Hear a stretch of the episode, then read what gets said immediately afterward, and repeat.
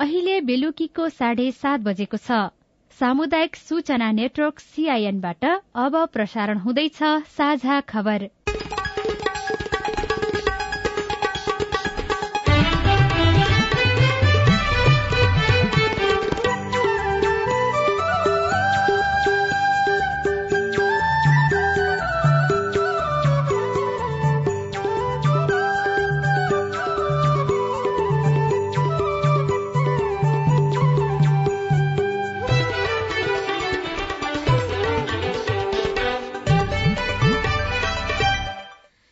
सीआईएनको साझा खबरबाट सोभिता रिसालको नमस्कार। साझा खबर देशभरिका सामुदायिक रेडियो सीआईएन खबर डट कम र मोबाइल एप सीआईएनमा पनि सुन्न सकिन्छ।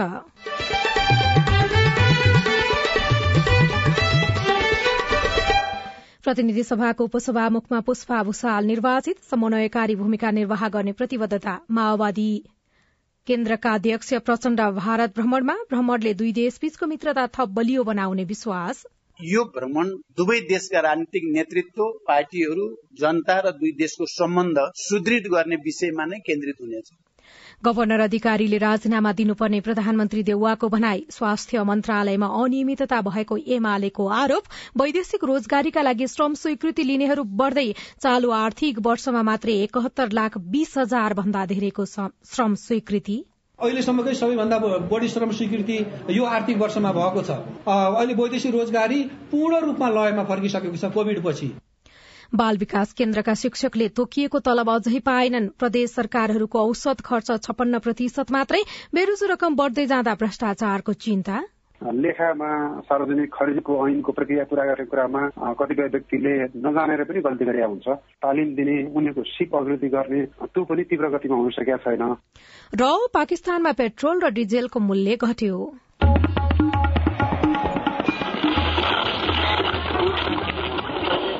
सयौं रेडियो। हजारौं रेडियो कर्मी र करोड़ौं नेपालीको माझमा यो हो सामुदायिक सूचना नेटवर्क सीआईएन विद्यमान कानूनी व्यवस्थाको उल्लंघन गर्दै खर्च गर्ने सरकारी प्रवृत्ति झनै बढ़ेको महालेखा परीक्षकको प्रतिवेदनले औल्याएको छ। यस वर्ष दुई खर्बले बढ़ेर बेरोजी रकम आठ खर्ब उन्तिस अर्ब पन्ध्र करोड़ पुग्यो जसले गर्दा सरकारी कार्यालयहरूले रीत नपुर्याई लेखा नराखी र अनियमित हिसाबले गर्ने खर्च देखाउँछ। संघीयता कार्यान्वयन पछिका तीन वर्षमा बेरोजी रकम दोब्बरले बढ़नु राम्रो संकेत होइन। तिनै तहका सरकार बढ़दो बेरोजीका विषयमा गम्भीर बन्नु आवश्यक छ। अब खबर सुशीला श्रेष्ठबाट। प्रतिनिधि सभाको उपसभामुखमा सत्तारूढ़ गठबन्धनका उम्मेद्वार पुष्पा भूषाल निर्वाचित हुनुभएको छ। आज भएको निर्वाचनमा कांग्रेसका सचेतक समेत रहनुभएका भूषालले एमालेका उम्मेद्वार विद्या भट्टराईलाई पराजित गर्नुभएको हो। उपसभामुखमा निर्वाचित भूषालले एक सय अड़चालिस मत प्राप्त गर्नुभयो भने एमाले उम्मेद्वार विद्या भट्टराईको पक्षमा भने तिरानब्बे मत मात्रै परेको छ। मान्य सदस्यहरू यस सभाका मान्य सदस्य श्री पुष्प भूषाल गौतमलाई उपसभामुख पदमा निर्वाचित गरियोस् भन्ने प्रस्तावको पक्षमा एक सय अडचालिस मत परेको र उक्त संख्या प्रतिनिधि सभामा तत्काल कायम रहेका सम्पूर्ण सदस्य संख्याको बहुमत भएकोले यस सभाका मान्य सदस्य श्री पुष्पा भूषाल गौतमलाई उपसभामुख पदमा निर्वाचित गरियोस् भन्ने प्रस्ताव बहुमतले पारित भएको घोषणा गर्दछु। साढे दुई वर्षदेखि उपसभामुख विहीन रहेको प्रतिनिधि सभामा भूषालले नयाँ जिम्मेवारी पाउनु भएको हो। उपसभामुखमा निर्वाचित हुनका लागि तत्काल कायम रहेको सांसद संख्याको बहुमत आवश्यक पर्ने प्रतिनिधि सभा नियमावलीको व्यवस्था छ। हाल संसदमा दुई सय एकहत्तर सांसद रहेका छन् जसको बहुमत एक सय छत्तीस हो। आजको निर्वाचनमा दुई सय बयालिस सांसद उपस्थित रहेका थिए। दुई हजार चौहत्तर सालमा भएको प्रतिनिधि सभाको उपसभामुख निर्वाचनमा तत्कालीन वाम गठबन्धनका एमाले उम्मेद्वार शिवमाया तुम्बा पराजित भूषाललाई अहिले वाम गठबन्धनमा रहेका माओवादी केन्द्र र तत्कालीन एमालेबाट छुटिएर बनेको माधव कुमार नेपाल नेतृत्वको नेकपा एकीकृत समाजवादी महन्त ठाकुर नेतृत्वको लोकतान्त्रिक समाजवादी पार्टी ले पनि भोट दिएको छ। नवनिर्वाचित उपसभामुख भूषालले लामो समयदेखि रिक्त रहेको उपसभामुख पदपूर्ति हुनुले संविधानको पूर्ण पालना भएको र आफ्नो दायित्व पनि थपिएको प्रतिक्रिया दिनुभयो। संघीय लोकतान्त्रिक गणतन्त्र र संविधानको मर्म अनुसार इमान्दारीपूर्वक जिम्मेवारी निर्वाह गर्ने दृढ़ संकल्प पनि उहाँले व्यक्त गर्नुभयो। संविधानको कार्यान्वयनको लागि संघीय लोकतान्त्रिक गणतन्त्रको मर्म अनुसार मुलुकको राष्ट्रिय राजनीतिमा देखा परेका आयामहरूलाई व्यवस्थापन गर्नको लागि जनजीविकाको सवालहरूमा सदनमा अत्यन्त महत्वपूर्ण ढङ्गबाट यो विषयवस्तुलाई उठाउनको लागि मुलुकको आर्थिक समृद्धिको लागि र मलाई विशेष गरी मलाई के लाग्छ भने सदनमा एउटा तटस्थताको भूमिकालाई निर्वाह गर्नको लागि जुन जिम्मेवारी थपिएको छ त्यसलाई इमान्दारीपूर्वक निर्वाह गर्नेछु भन्ने कुरामा म दृढ संकल्प छु।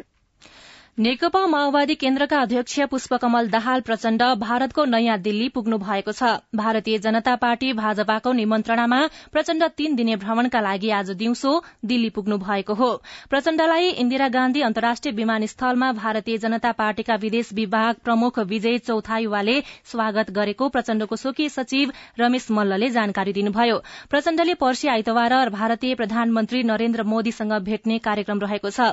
उहाँ भोलि भारतीय विदेश मन्त्री डाक्टर एस जयशंकर भारतका राष्ट्रिय सुरक्षा सल्लाहकार अजित डोभाल विदेश सचिव विनय मोहन क्वात्रासँग छुट्टा छुट्टै भेट्ने तय भएको छ। प्रचण्ड भारत भ्रमण पूरा गरी साउन एक गते स्वदेश फर्किने कार्यक्रम रहेको छ।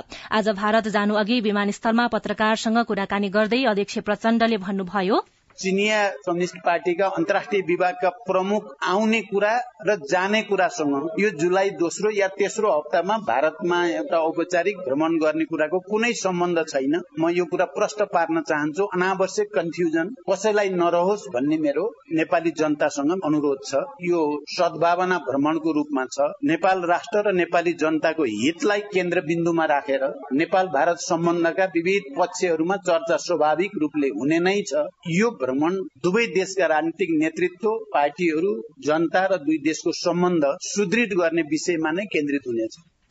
प्रचण्डको भारत भ्रमणका विषयलाई लिएर विभिन्न टीका टिप्पणी भइरहेका छन् तर यसलाई सामान्य राजनीतिक भ्रमणका रूपमा लिनुपर्ने र सम्बन्ध सुधारको माध्यमका रूपमा बुझ्नुपर्ने परराष्ट्रविद डाक्टर लोकराज बरालले सीआईएनसँग बताउनुभयो। भाजपा त एउटा मेजर पावर अहिले रूपमा छ र अब नेसनल सबभन्दा ठुलो उही हो दुईपल्ट चुनाव जितेको छ अझै पनि जित्ने सम्भावना छ त्यत्रो लिडर स्ट्रङ लिडर छ। त्यस कारण त्योसँग सम्बन्ध हामीले बढाउनु पनि पर्छ। अब उसले पनि अब छिमेकी मुलुकहरूको पार्टीहरूसँग यहाँको एउटा ठुलो राष्ट्रको हिसाबले उसले गर्नु पनि त्यो उसको कुरा हो त्यो त्यस कारणले मैले यसलाई अस्वाभाविक केही मान्दिनँ। माओवादी नेता राम कार्कीले पनि प्रचण्डको भारत भ्रमणलाई त्रिदेशीय सम्बन्ध सुधारको प्रयासको रूपमा बुझ्नुपर्ने बताउनुभयो। त्रिदेशीय त्रिदेशीय भनिरहनु भएको थियो नि त। नेपालको डेभलपमेन्टमा चाहिँ त्रिदेशीय चाहिँ सहभागिता भयो भने त्यसैको यो एउटा भनौँ न कडी हो। त्यहाँ गइसके पछाडि उहाँले भाजपासँगको सम्बन्ध सुधारका लागि म आएको हुँ भन्नुभएको छ। त्यसले चाहिँ के अर्थ राख्छ? त्यसले चाहिँ स्वाभाविक रूपमा अब भारतसँग हामी एउटा स्थिर प्रकारको मित्रता चाहन्छौँ भन्ने कुरा नै देखाउँछ। चीनसँगको सामिप्यता निकटता र चिनिया नेताहरूको चाहिँ जुन अहिले भेटघाट तीव्र थियो उहाँहरू आउने क्रम थियो त्यसलाई चिर्नको लागि भारत भ्रमण हो भनेर बुझ्दा हुन्छ कि हुँदैन? होइन चिर्ने कुरो भएन। यो त्रिदेशीय भनेको त दुवै देशलाई कन्फिडेन्समा लिएरै गर्ने हो नि यो कुरा। चालू आर्थिक वर्षमा वैदेशिक रोजगारीका लागि श्रम स्वीकृति लिनेहरू बढ़ेका छन्। वैदेशिक रोजगार विभागका अनुसार चालू आर्थिक वर्षको असार एक गतेसम्म एकहत्तर लाख बीस हजार तीन सय उन्नाइस जनाले वैदेशिक रोजगारीका लागि श्रम स्वीकृति लिएका छन् जसमा पुरूष कामदारको संख्या सडसठी लाख सात हजार पच्चीस जना रहेको छ। महिला कामदारको संख्या भने तीन लाख तेत्तीस हजार रहेको छ जुन कुल श्रम स्वीकृति लिने मध्ये चार दशमलव छ सात प्रतिशत हो। श्रम स्वीकृति लिने मध्ये पचास लाख सोह्र हजार हजार आठ सय अन्ठाउन्न जनाले भने रोजगारीका लागि पुनः श्रम स्वीकृति लिएका छन्। पुनः श्रम स्वीकृति लिनेहरूमा झण्डै अडचालिस लाख पुरूष रहेको विभागका महानिर्देशक शेष नारायण पौडेलले बताउनुभयो। अहिलेसम्मकै सबैभन्दा बढी श्रम स्वीकृति यो आर्थिक वर्षमा भएको छ। संयुक्त राष्ट्र संघदेखि अन्तर्राष्ट्रिय समुदायको चिन्ता के छ भने कतै वैदेशिक रोजगारी कोविड भन्दा अगाडिको लयमा नआउने त होइन तर अहिले हामीले हेरेको डाटा अनुसार नेपालको अहिले वैदेशिक रोजगारी पूर्ण रूपमा लयमा फर्किसकेको छ कोविड पछि। अहिलेसम्मको डाटा एकहत्तर लाख श्रम स्वीकृतिहरू जारी भएको छ। यो यो भनेको रिइन्ट्री समेतको कसैले दुई पटक तीन पटक पनि श्रम स्वीकृति लिनुहुन्छ। यसमा चाहिँ सडसठी लाख पुरुष हुनुहुन्छ भने तीन लाख चाहिँ महिला हुनुहुन्छ। गत सालभन्दा चार लाख एकसठी हजारले बढी चाहिँ बढेको देखिन्छ। गत वर्षको तुलनामा भने वैदेशिक रोजगारीका लागि श्रम स्वीकृति लिनेको संख्या चार लाख एकसठी हजार आठ सय पाँच जनाले बढ़ी हो। सरकारले स्वदेशमै रोजगारीको व्यवस्था गर्न विभिन्न कार्यक्रम र योजना सञ्चालन गरिरहेको भए पनि वैदेशिक रोजगारीमा जाने युवाहरूको संख्या घट्न सकेको छैन। यसो हुनुको कारणबारे सीआईएनसँग कुराकानी गर्दै रोजगार विज्ञ गणेश गुरूङले भन्नुभयो विदेशी रोजगारमा जानु तुलनात्मक दृष्टिकोणले नेपालमा काम गर्नु भन्दा विदेशमा काम गर्न जानेमा उसले फाइदा देख्यो। त्यस कारणले नेपालमा काम नगरिकन वैदेशिक रोजगारमा गएको हो। अब यदि उसले विदेशमा जानु भन्दा नेपालमा यहाँ काम गर्दाखेरि तुलनात्मक जुन दृष्टिकोणले फाइदा हुने भए सायद कोही पनि नेपाली आफ्नो परिवार बाबुआमा घर श्रीमती बालबच्चा छोडेर बाहन्न डिग्रीको तातोमा काम गर्न जाने थिएन होला। त्यस कारणले नेपालमा जति पनि कार्यक्रमहरू अहिले आए ती सबै कार्यक्रम चाहिँ व्यावहारिक रूपमा प्रत्यक्ष रूपमा चाहिँ त्यो एउटा वैदेशिक रोजगारमा जानलाई तयार भएको मान्छेलाई आकर्षण गर्न सक्ने चाहिँ मद्दत भने भएन त्यो कार्यक्रम। प्रधानमन्त्री शेरबहादुर देवालले राष्ट्र ब्याङ्कका गवर्नर महाप्रसाद अधिकारीको राजनीतिक संलग्नता देखिएको भन्दै नैतिकताको आधारमा पदबाट राजीनामा दिनुपर्ने बताउनु भएको छ। बालवाटारमा आज भएको पाँच दलीय गठबन्धनको बैठकमा नेकपा माओवादी केन्द्रका नेता नारायण काजी श्रेष्ठले गवर्नरको राजनीतिक संलग्नता देखिएको विषय उठाउनु भएको थियो। बैठकमा सहभागी अन्य नेताहरूले पनि अधिकारीको राजीनामा माग्नुपर्ने धारणा राखेका थिए। प्रधानमन्त्री देउवाले भने गवर्नरको राजनीतिक संलग्नता देखिएको कारण अन्यले राजीनामा माग्ने नभई अधिकारी स्वयंले नैतिकताको आधारमा राजीनामा दिनुपर्ने बताउनु भएको थियो। नेकपा एमाले स्वास्थ्य तथा जनसंख्या मन्त्रालयमा अनियमितता र सत्ताको दुरूपयोग भएको जनाएको छ। आज नेकपा एमाले स्वास्थ्य तथा जनसंख्या विभाग प्रमुख योगेश भट्टराईले पत्रकार सम्मेलन गर्दै स्वास्थ्य मन्त्रालयमा आर्थिक वर्ष सकिन तीन दिन बाँकी रहँदा पुरानो मितिमा निर्णय गराएर ठूलो मात्रामा बजेटको रकमान्तर भएको दावी गर्नुभयो। भट्टराईले जारी गरेको प्रेस विज्ञप्तिमा आर्थिक वर्ष सकिने लाग्दा पुरानो मितिमा निर्णय गराएर ठूलो मात्रामा बजेटको रकमान्तर गर्नु मन्त्रालयको अनियमित अनियमितता र सत्ताको दुरूपयोग भएको दावी गरिएको छ। सरकारले कोविड उन्नाइस अस्थायी अस्पतालमा कार्यरत जनशक्तिलाई साउन एक गतेबाट पारिश्रमिक उपलब्ध नगराउने निर्णय गरेको छ। स्वास्थ्य तथा जनसंख्या मन्त्रालयको आज सचिव स्तरीय छलफलमा सो निर्णय गरिएको मन्त्रालयले जनाएको छ। कोविड उन्नाइसको उपचार तथा व्यवस्थापनका लागि कोरोना महामारी शुरू भए यता सञ्चालनमा ल्याइएका छ सय सड़चालिस स्थानीय तहका कोविड उन्नाइस अस्थायी अस्पतालमा कार्यरत जनशक्तिलाई साउन एक गतेबाट पारिश्रमिक उपलब्ध नगराइने सबै स्थानीय तहलाई जानकारी गराउने निर्णय भएको मन्त्रालयका सहप्रवक्ता डाक्टर समीर कुमार अधिकारीले सीआईएनसँग बताउनुभयो। साझा खबरमा अब एउटा विदेशको खबर। पाकिस्तानमा पेट्रोल र डिजेलको मूल्य घटेको छ। केही महिना यता साठी प्रतिशतसम्म पेट्रोलको मूल्य बढ़ाएको पाकिस्तान सरकारले हिजोबाट डिजेल र पेट्रोलको मूल्य घटाएको हो। डिजेलको मूल्य चालिस रूपियाँ चौवन्न पैसा र पेट्रोलको मूल्य अठार रूपियाँ पचास पैसाले घटेको छ। पाकिस्तानका प्रधानमन्त्री शहबाज शरीफले पेट्रोल र डिजेलको मूल्य घटाएको घोषणा गर्नुभएको हो।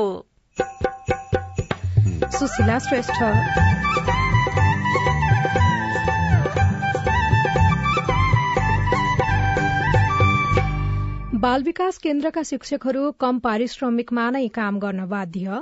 मनोबल बुझेर पढाउनु पर्ने हुन्छ उनीहरूको इच्छा आकांक्षा त्यो सबै हेरेर ठुलोलाई भन्दा सानोलाई बहुत गाह्रो छ उनीहरूलाई हात समाएर हुन्छ कि कहाँमा राखेर हुन्छ कि। स्यालेरी सम्झिँदा त दुःख लागेर आउँछ नि। संघ सरकारले तोकेको पन्ध्र हजार रकम कार्यान्वयनमा मुस्किल रिपोर्ट। सरकारहरू बीचमा समन्वयको अभाव बेरोजी रकम बढ़दै लगायतका विशेष सामग्री बाँकी नै छ। सीआईएनको साझा खबर सुन्दै गर्नुहोला। कोरोनाको नयाँ नयाँ प्रजातिको डर। हात धोए मास्क लाए जान्छ पर पर। एक अर्काको दूरी पनि परै भएको जाति। गीतमा भने झै कोरोना संक्रमण दर घटे पनि जोखिम भने कायमै छ। अझै पनि नयाँ नयाँ प्रजातिका भाइरसहरू आउन सक्छन्। कोरोनालाई जितिन्छ रे साथी। कोरोना विरुद्धको सबै मात्रा खोप अनिवार्य लगाउनु पर्दछ। कसैको खोप छुटेको छ भने वडा कार्यालय वा नजिकको स्वास्थ्य केन्द्रमा सम्पर्क राख्नु पर्दछ। एक अर्का बीचको दूरी कायम गर्ने मास्क लगाउने र साबुन पानीले मिची मिची हात धुने कार्यलाई सधैँ कायम गर्न सकेमा कोरोना मात्रै होइन। अन्य धेरै रोगहरूबाट बच्न सकिन्छ। जीवन शैलीको भरमा बाँच्छौँ हामी कोरोनाका। युएन उमनको सहयोगमा ल्याक र अकुराब। सामाजिक रूपान्तरणका लागि यो हो सामुदायिक सूचना नेटवर्क सीआईएन तपाई सामुदायिक सूचना नेटवर्क सीआईएन ले तयार पारेको साझा खबर सुन्दै हुनुहुन्छ। एआईजी विश्वराज पोखरेलले दायर गरेको रिट खारेज भएको छ। सर्वोच्च अदालतले आज आईजीपी नियुक्ति विरूद्ध पोखरेलले दायर गरेको रिट खारेज गर्ने फैसला गरेको हो। यससँगै पोखरेलको आईजीपी बन्ने सपना रोकिएको छ। सर्वोच्च अदालतका प्रवक्ता विमल पौडेलले कायम मोकायम प्रधान न्यायाधीश दीपक कुमार कार्की र न्यायाधीश कुमार चुडालको इजलासले पोखरेलको मुद्दा खारेज गर्ने फैसला गरेको जानकारी दिनुभयो। यस्तै सर्वोच्च अदालतले अर्थ मन्त्रालयको सीसीटीभी डाटाबारे अन्तरिम आदेश जारी गरिरहन नपर्ने ठहर गरेको छ। न्यायाधीश कुमार रेग्मीको इजलासले आज अर्थ मन्त्रालयको सीसीटीभी क्यामेराले कैद गरेका डाटाहरू सुरक्षित राखेका छैनन् भन्ने अनुमान समेत गर्न नसकिने हुँदा सो सम्बन्धमा तत्काल अन्तरिम आदेश जारी गरिरहन नपर्ने ठहर गरेको हो। अधिवक्ता बाबुराम अर्याल समेतले प्रधानमन्त्री तथा मन्त्री परिषद कार्यालय समेतलाई विपक्षी बनाएर दायर गरेको रिट निवेदनमाथि सर्वोच्चले प्रारम्भिक सुनवाई गर्दै यस्तो आदेश दिएको हो। आर्थिक वर्ष दुई हजार अठहत्तर उनासीमा सरकारले बजेट मार्फत प्रारम्भिक बाल विकास केन्द्रका शिक्षकहरूको तलब नौ हजारबाट बढ़ाएर पन्ध्र हजार पुर्यायो। तर बाल विकास केन्द्रमा कार्यरत नवलपुरका शिक्षकहरू मेहनत अनुसारको सेवा सुविधा र तलब नपाएको गुनासो गर्छन्। शोभा राणाभाट तीन वर्षदेखि लक्ष्मी माध्यमिक विद्यालयको बाल विकास केन्द्रमा अध्यापन गराउँदै आउनु भएको छ। आमाको काग छोडेर विद्यालय आउने साना साना बाल बालिकालाई सिकाउन सजिलो छैन। तर आफूले गरेको मेहनत अनुसारको सेवा सुविधा पाउन नसकेको उनीहरूको गुनासो छ। मनोबल बुझेर पढाउनु पर्ने हुन्छ उनीहरूको इच्छा आकांक्षा त्यो सबै हेरेर ठुलोलाई भन्दा सानोले बहुत गाह्रो छ। यिनीहरूलाई हात समाएर हुन्छ कि कहाँमा राखेर हुन्छ कि कसरी हुन्छ यिनीहरूलाई?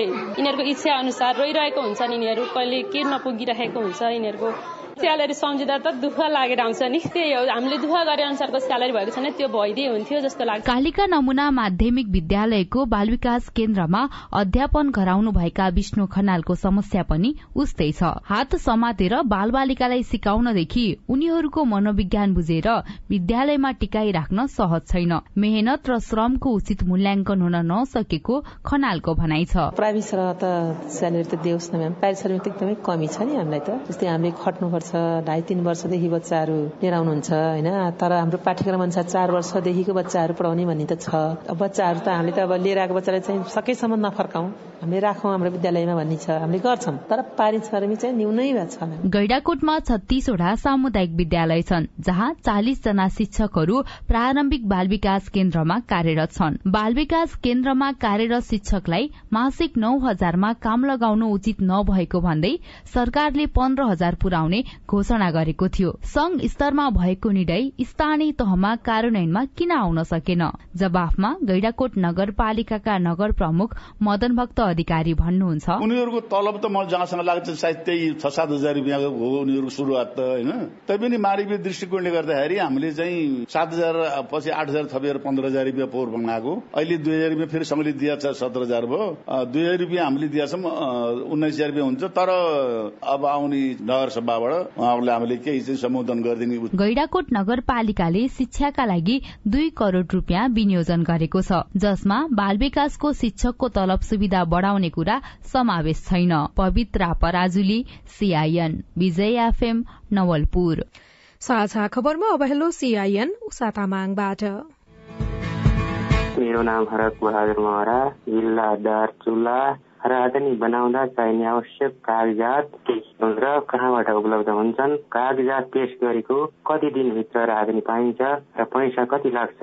तपाईँको जिज्ञासा समाधान गरिदिनका लागि हामीले दार्चुलाका सहायक प्रमुख जिल्लाधिकारी हेमन्ती साउदलाई अनुरोध गरेका छौं। दार्चुला जिल्लाकै नागरिकता भएको र दार्चुलामा बसाइ सराई गरी आउनुभएको सेवाग्राहीहरूले दार्चुला जिल्लाबाट राजधानी बनाउनु पाउनुहुन्छ। राजधानीको लागि अनलाइनबाट फर्म भर्नुहुन्छ। उहाँले राजधानी विभागको वेबसाइटमा गएर अनि त्यो भरेको फर्म ल्याएर र सकल नागरिकता ल्याएर हजुरले हामी जिल्ला प्रशासन कार्यालयमा आउनुपर्छ। त्यहाँ अनलाइन अफलाइन रेजिस्ट्रेसन हुन्छ। हामी उहाँको फोटो खिच्ने र बायोमेट्रिक लिने काम हाम्रो अफिसमै गर्छौँ। त्यसपछि पाँच हजार राजस्व तिरेर राजस्वको रसिद पनि हामीलाई दिनुपर्छ। त्यो रसिदहरू सबै हामीले सिस्टमबाट राजधानी विभागको सर्भरमा अपलोड गरिसकेपछि यताबाट भेरिफाई गरिसकेपछि पठाइसक्छ। र त्यति भइसकेपछि पन्ध्र दिनभित्र पासपोर्ट प्रिन्ट भएर जिल्ला प्रशासन कार्यालय दार्चुलाबाट बुझेर लग्न सक्नुहुन्छ। फिदिम नगरपालिका पाँच थर निवासी रविन्द्र मुखिया लोप्रेकुटी सिलौटी पर्यटन क्षेत्रको बाटो पहिला पर्यटन बोर्डले हेर्थ्यो तर अहिले नगरपालिकाले हेर्छ भन्ने सुन्नमा आएको छ यो बाटो अस्त व्यस्त छ। यो क्षेत्रमा आलु मुला अति राम्रो उत्पादन हुन्छ। यो बाटो सोलिङ ग्रेभल मात्र भए पनि किसान बासिन्दालाई सहयोग हुने थियो कि? जवाफ दिँदै हुनुहुन्छ फिडिम नगरपालिका पाँच थरका नगर प्रमुख मित्र प्रसाद काफले। लोब्रेकुटी सिलौटी चाहिँ हाम्रो अत्यन्तै पर्यटकीय स्थलको रूपमा रहेको छ। त्यस क्षेत्रको पर्यटकीय विकासको लागि नगरले अत्यन्तै महत्वपूर्ण कार्यहरू अगाडि बढाइराखेको अवस्था रहेको छ र त्यहाँ रहेका सड़कहरू निर्माण गर्ने काम र त्यसलाई ग्राभेल गरेर बाह्रै मासा सञ्चालन गराउनको लागि नगरले पहल गरिराखेको अवस्था रहेको छ र छिटो चाँडै त्यसलाई चाहिँ हामी चाहिँ सुधार गर्ने कुरामा प्रतिबद्ध छौँ र सँगसँगै त्यस क्षेत्रमा उत्पादित कृषिजन्य वस्तुहरू बिक्री वितरण गर्न पनि अप्ठ्यारो परेको भन्ने सुन्नमा आएको छ। त्यसलाई चाँडै सड़क सुधार गर्ने कुरामा छौँ मेरो घर मुगु जिल्ला सोरु गाउँपालिका वडा नम्बर छबाट म एकराज भट्ट बोल्दैछु। मेरो दाई दृष्टिविहीन भएको कारणले सत्तर साल असारदेखि अठहत्तर साल असारसम्म सामाजिक सुरक्षा भत्ता आएको थिएन। खाता खोल्न पाएनौँ असोजमा खाता खोल्यौँ त्योभन्दा पछाडिको भर्ता खातामा आयो त्योभन्दा पछाडिको भर्ता खातामा आएन त्यो भएर आउने हो कि नआउने हो भनेर सोध्न चाहन्छु। तपाईँको प्रश्न हामीले मोगुको सोरु गाउँपालिका महिला तथा बाल बालिका शाखाका प्रमुख राजदेवी शाहीलाई सुनाएका छौं। कति महिनाको भएको खातामा आएन उहाँले कति महिनासम्मको पाउनु भएन अथवा खाता खोल्नु भएको छ कि छैन त्यसको लागि चाहिँ गाउँपालिकामै आएर बुझ्नुभयो भने चाहिँ हामीले उहाँलाई बुझाइदिन्छौँ अथवा के रहेछ पैसा पाउनु भएको छैन भने पनि त्यसको व्यवस्था गर्छौँ तपाई जुनसुकै बेला हाम्रो टेलिफोन नम्बर शून्य एक बान्न साठी छ चार छमा फोन गरेर आफ्नो प्रश्न जिज्ञासा गुनासा तथा प्रतिक्रिया रेकर्ड गर्न सक्नुहुन्छ। तपाई सामुदायिक सूचना नेटवर्क सीआईएलले काठमाण्डुमा तयार पारेको साझा खबर सुन्दै हुनुहुन्छ। बढ़दै बेरुजु रकम प्रदेश सरकारहरूले पनि गरेनन् विकास बजेटको खर्च। अठहत्तर उनासीको बजेट विनियोजन हुने बेलामा मन्त्रालय फुटेर धेरैवटा भए र कतिपय रकम अभाण्डा राखेर हामीले भदौ पन्ध्रसम्म त्यसलाई बाँडफाँड गर्ने भनेर कानूनमै व्यवस्था गर्यौं औसतमा छप्पन्न प्रतिशत मात्रै बजेट खर्च। रिपोर्ट बेरोजुको दर र तीन तहको सरकारको खर्च प्रणाली लगायतका विशेष सामग्री बाँकी नै छन्। सीआईएनको साझा खबर सुन्दै गर्नुहोला। बालबालिकालाई लगाउँदै गरेको खोपमा चाहिँ बालबालिकाहरू कहाँ गएर लगाउनु पर्ने र खोप लगाउन जाँदा के के लिएर जानु पर्ने त्यसबारे बताइदिनुहोस् न। मेरो जिज्ञासा के छ भनेपछि हामी विद्यार्थीहरू एकदमै जोखिममा छौँ तर पनि हामीहरूले समयमा खोप उपलब्ध हुन सकेको छैन। कोभिड बारे तपाईँको चासो अब हाम्रो पालोमा। कोभिडसँग जोडिएका थुप्रै बालबालिका तथा युवाहरूका प्रश्न र सरकारवालाको जवाब सहित हरेक आइतबार साँझको साझा खबरमा प्रस्तुत भइरहेको छ हाम्रो पालो। कोभिड पछि घरको बसाई बाल तथा युवा मस्तिष्कमा पर्ने प्रभाव यसले मनोविज्ञानमा पारेको असर कोभिडमा मानव सुरक्षा र कोभिड विरूद्धको खोप लगायत तपाईँलाई लागेको विषयमा हाम्रो आइभीआर नम्बर शून्य एक बान्न साठी छ चार छमा प्रश्न गुनासो तथा प्रतिक्रिया रेकर्ड गराउनुहोला। सरोकारवाला निकायको जवाब सहितको हाम्रो पालो देशभरिका सामुदायिक रेडियोमा प्रसारण भइरहेको छ। सामाजिक रूपान्तरणका लागि यो हो सामुदायिक सूचना नेटवर्क सीआईएन तपाई सामुदायिक सूचना नेटवर्क सीआईएनले काठमाण्डुमा तयार पारेको साझा खबर सुन्दै हुनुहुन्छ। महालेखा परीक्षकको प्रतिवेदन अनुसार देशको बेरुजु रकम बढ़िरहेको छ। प्रतिवेदन अनुसार चार खर्ब त्रियासी अर्ब उनासाठी करोड़ भन्दा बढ़ी रकमको कुनै रुजु छैन। स्थानीय तहमा यस्तो बेरुजु दर धेरै देखिएको भए पनि प्रदेश र संघमा पनि अवस्था उस्तै छ। प्रदेश सरकारहरूले पछिल्लो तीन वर्षमा औसतमा छप्पन्न प्रतिशत मात्रै बजेट खर्च गरेका छन्। चालू आर्थिक वर्षको बजेट खर्चको अवस्था कस्तो छ? कर्णाली प्रदेशले आर्थिक वर्ष सकिँदा कुल बजेटको साठी प्रतिशत हाराहारीमा मात्र खर्च गरेको छ। चालू आर्थिक वर्षका लागि अडतिस अर्ब सत्तालिस करोड़ रूपियाँ बजेट कार्यान्वयन गरेको कर्णालीले बाइस अर्ब मात्रै खर्च गर्यो। पुँजीगततर्फ चौविस अर्ब रूपियाँ छुट्याएकोमा चौतिस करोड़ सोह्र लाख मात्रै खर्च भएको छ। चौतिस अर्ब एक्काइस करोड़ रूपियाँको बजेट कार्यान्वयनका क्रममा मध्य प्रदेशको खर्च चौसठी प्रतिशत मात्रै देखिएको छ। मध्य प्रदेश अर्थ मन्त्रालयका प्रवक्ता उद्धव राज नेउपाने। अठहत्तर उनासीको बजेट विनियोजन हुने बेलामा मन्त्रालय फुटेर धेरैवटा भए र कतिपय रकम अभेन्डा राखेर हामीले भदौ पन्ध्रसम्म त्यसलाई बाँडफाँड गर्ने भनेर कानूनमै व्यवस्था गर्यौँ यिनै कारणहरूले गर्दा चाहिँ तपाईँको हाम्रो भुक्तानी नभएको अलिक कम भएको हो होइन? त्यो भइदिएको भए हाम्रो साइड मलाई लाग्छ अस्सी पर्सेन्टको हाराहारीमा हामी जान्थ्यौँ। गण्डकी प्रदेश सरकारले चालू वर्षका लागि तीस अर्ब नब्बे करोड़ रूपियाँको बजेट ल्याएकोमा त्यसको त्रिहत्तर दशमलव पाँच प्रतिशत खर्च गरेको छ। पुँजीगत तर्फ सत्र अर्ब पैंसठी करोड़ रूपियाँ बराबरको लक्ष्य राखेकोमा छयासी प्रतिशत खर्च भएको प्रदेश अर्थ मन्त्रालयका प्रवक्ता वसन्त तिवारीले बताउनुभयो। बागमती प्रदेशका आर्थिक मामिला मन्त्री शालिकराम जमकटेलका अनुसार कोरोना महामारी र निर्वाचन लगायत कारणले यस वर्ष पनि प्रदेशको बजेट खर्च प्रभावित बनेको छ। स्थानीय तहको निर्वाचनले अब हामी झन्डै तिन महिना जस्तै लाग्नु पर्यो। कर्मचारी साथीहरू पनि डेढदेखि दुई महिना त्यसैमा चाहिँ लाग्दाखेरि त्यसले पनि थोरै असर चाहिँ गर्यो। प्रदेश एकमा चालू आर्थिक वर्षका लागि चौतिस अर्ब चौवन्न करोड़ रूपियाँ बराबरको बजेट विनियोजन भएको थियो जसको सतासी प्रतिशत खर्च भएको छ। पुँजीगत तर्फ भने नब्बे प्रतिशत बजेट खर्च छ। चालिस अर्ब पञ्चानब्बे करोड़ रूपियाँ बराबरको बजेट घोषणा गरेको लुम्बिनी प्रदेशले चौहत्तर दशमलव पाँच आठ प्रतिशत खर्च गर्न सक्यो। पुँजीगत तर्फ बाइस अर्ब सत्तालिस करोड़ रूपियाँ विनियोजन गरेकोमा सतहत्तर दशमलव चार सात प्रतिशत खर्च भएको छ। आर्थिक मामिला तथा सुदूरपश्चिम प्रदेशका उपसचिव तुलसी भट्टराईका अनुसार आर्थिक वर्ष सकिँदा कुल बजेट खर्च छैसठी दशमलव सात छ प्रतिशत मात्रै छ। काम भइसकेका छ बिल आएर बसिरहेको छ। यो सबै सिस्टमहरू नेपाल सरकारले ह्यान्डल गर्छ। नेपाल सरकारको अड्डाले गर्ने भुक्तानी चाहिँ आज एकतिस गते भरे राति बाह्र बजेसम्म गर्छ। प्रदेश सरकारको चाहिँ पच्चिस गतेदेखि बन्द भइदियो। तीन चार प्रतिशत यसले पनि फरक पर्यो। तीन प्रदेशको बजेट खर्च सन्तोषजनक देखिए पनि कर्णाली मधेस बागमती र सुदूरपश्चिम प्रदेशको खर्च सत्तरी प्रतिशत पुग्न सकेको छैन। बजेट खर्च नहुनुलाई प्रदेश सरकारहरूले संघीय सरकारकै नीतिलाई कारण मानेका छन्। अविनाश आचार्य सीआईएन काठमाडौँ। महालेखा परीक्षकको कार्यालय अनुसार सरकारी कार्यालयको बेरोजु तेत्तीस प्रतिशतको हाराहारीमा छ। बेरोजुको दर र तीन तहको सरकारको खर्च प्रणालीका बारेमा हामीले पूर्व अर्थ सचिव रामेश्वर खनालसँग कुराकानी गरेका छौं। अब हाम्रो परम्परा के छ भने आर्थिक वर्ष सकिएको तिन चार महिनापछि बल्ल महालेखा परीक्षकको टोली लेखा प्रश्न गर्न पुग्छ। त्यो बेलासम्ममा त्यो काम गर्ने कर्मचारी सरुवा भइसकेका हुन्छ। कतिपय सुधार्न सक्ने कुराहरू पनि सुधार सक्ने सम्भावना हुँदैन। सामान्य प्रक्रियागत त्रुटि भएको छ भने बेलैमा भएको सच्याउन सकिन्थ्यो। महालेखा परीक्षक कार्यालयकै कारणले गर्दाखेरि बेरोजु बढेको हो र? खर्च हुँदाकै बखतमा गएर लेखा परीक्षण गर्नुपर्छ भन्ने आग्रह पहिलेदेखि नै गरिआ हो। उहाँहरू पनि त्यसमा सहमत हुन्थ्यो त्यो परिवर्तन अहिलेसम्म हुन सकेन। त्यो गर्यो भने त्यसले पनि बेरोजुको रकम धेरै कम्ती ल्याउँछ। संघीय सरकारको आफ्नै कार्यालय पनि चार हजार भन्दा बढी छ। सात सय त्रिपन्न नगरपालिका सातवटा प्रदेशका सबै जोड्ने हो भने अहिले खर्च लेखाङ्कन गर्ने कार्यालयहरूको संख्या र खर्चको आदेश दिने कार्यालयहरूको संख्या राजस्व सञ्चालन गर्ने कार्यालयहरूको संख्या चाहिँ पन्ध्र हजार भन्दा बढी होला नेपालभित्र नेपाल बाहिर। लेखामा सार्वजनिक खरिदको ऐनको प्रक्रिया पूरा गर्ने कुरामा कतिपय व्यक्तिले नजानेर पनि गल्ती गरे हुन्छ तालिम दिने उनीहरूको सिप अभिवृद्धि गर्ने त्यो पनि तीव्र गतिमा हुन सकेका छैन। बेरोजु आउने बित्तिकै हामी धेरै अत्तालिन्छौँ भन्नुभयो। त्यो अत्तालिन पर्ने स्थिति होइन र अहिले के के हो? असुल गर्ने रकम भनेर करिब करिब तेत्तिस पर्सेन्ट चाहिँ यसपालिको महालेखा प्रजाको प्रतिवेदनमा प्रत्येक वर्ष करिब करिब तिसदेखि चालिस पर्सेन्ट चाहिँ असुल गर्नुपर्ने रकम चाहिँ हुनुहुन्छ त्यो चाहिँ अत्तालिनु पर्ने कुरा हो। पेस्कीको रकम त असुली हुन्छ। कम राजस्व असुली गरेको जस्तै भन्सार बिन्दुमा काम गर्ने मान्छेले भन्सारको कोड चाहिँ सही तरिकाले पहिचान गर्न सकेन भने दरबन्दी फरक पर्छ। दरबन्दी फरक पर्ने बित्तिकै कम असुली हुन्छ। तर असुल गर्नुपर्ने बेरोजुको हकमा चाहिँ त्यो असुल गर्नै पर्छ। सिप वृद्धि गरियो तालिम दियो ज्ञान दियो कर्मचारीलाई भने उनीहरूले त्यो गल्ती गर्दैनन्। जसले गर्दाखेरि चाहिँ असुल गर्नुपर्ने राजस्व असुल नभएर बाँकी रहँदैन। तीन तहको सरकार बनेकै तीन चार वर्ष भन्दा बढी भइसक्दाखेरि पनि त्यो अझ बढ्दै जानु भनेको यसले के को संकेत गर्छ? प्रत्येक वर्षको बेरोजुको आँकडा र बेरोजु केबाट आउँछ राजस्व आमदानीबाट आउँछ त्यसपछि खर्चबाट आउँछ र त्यो लगायतको अरू आर्थिक कारोबारबाट आउँछ।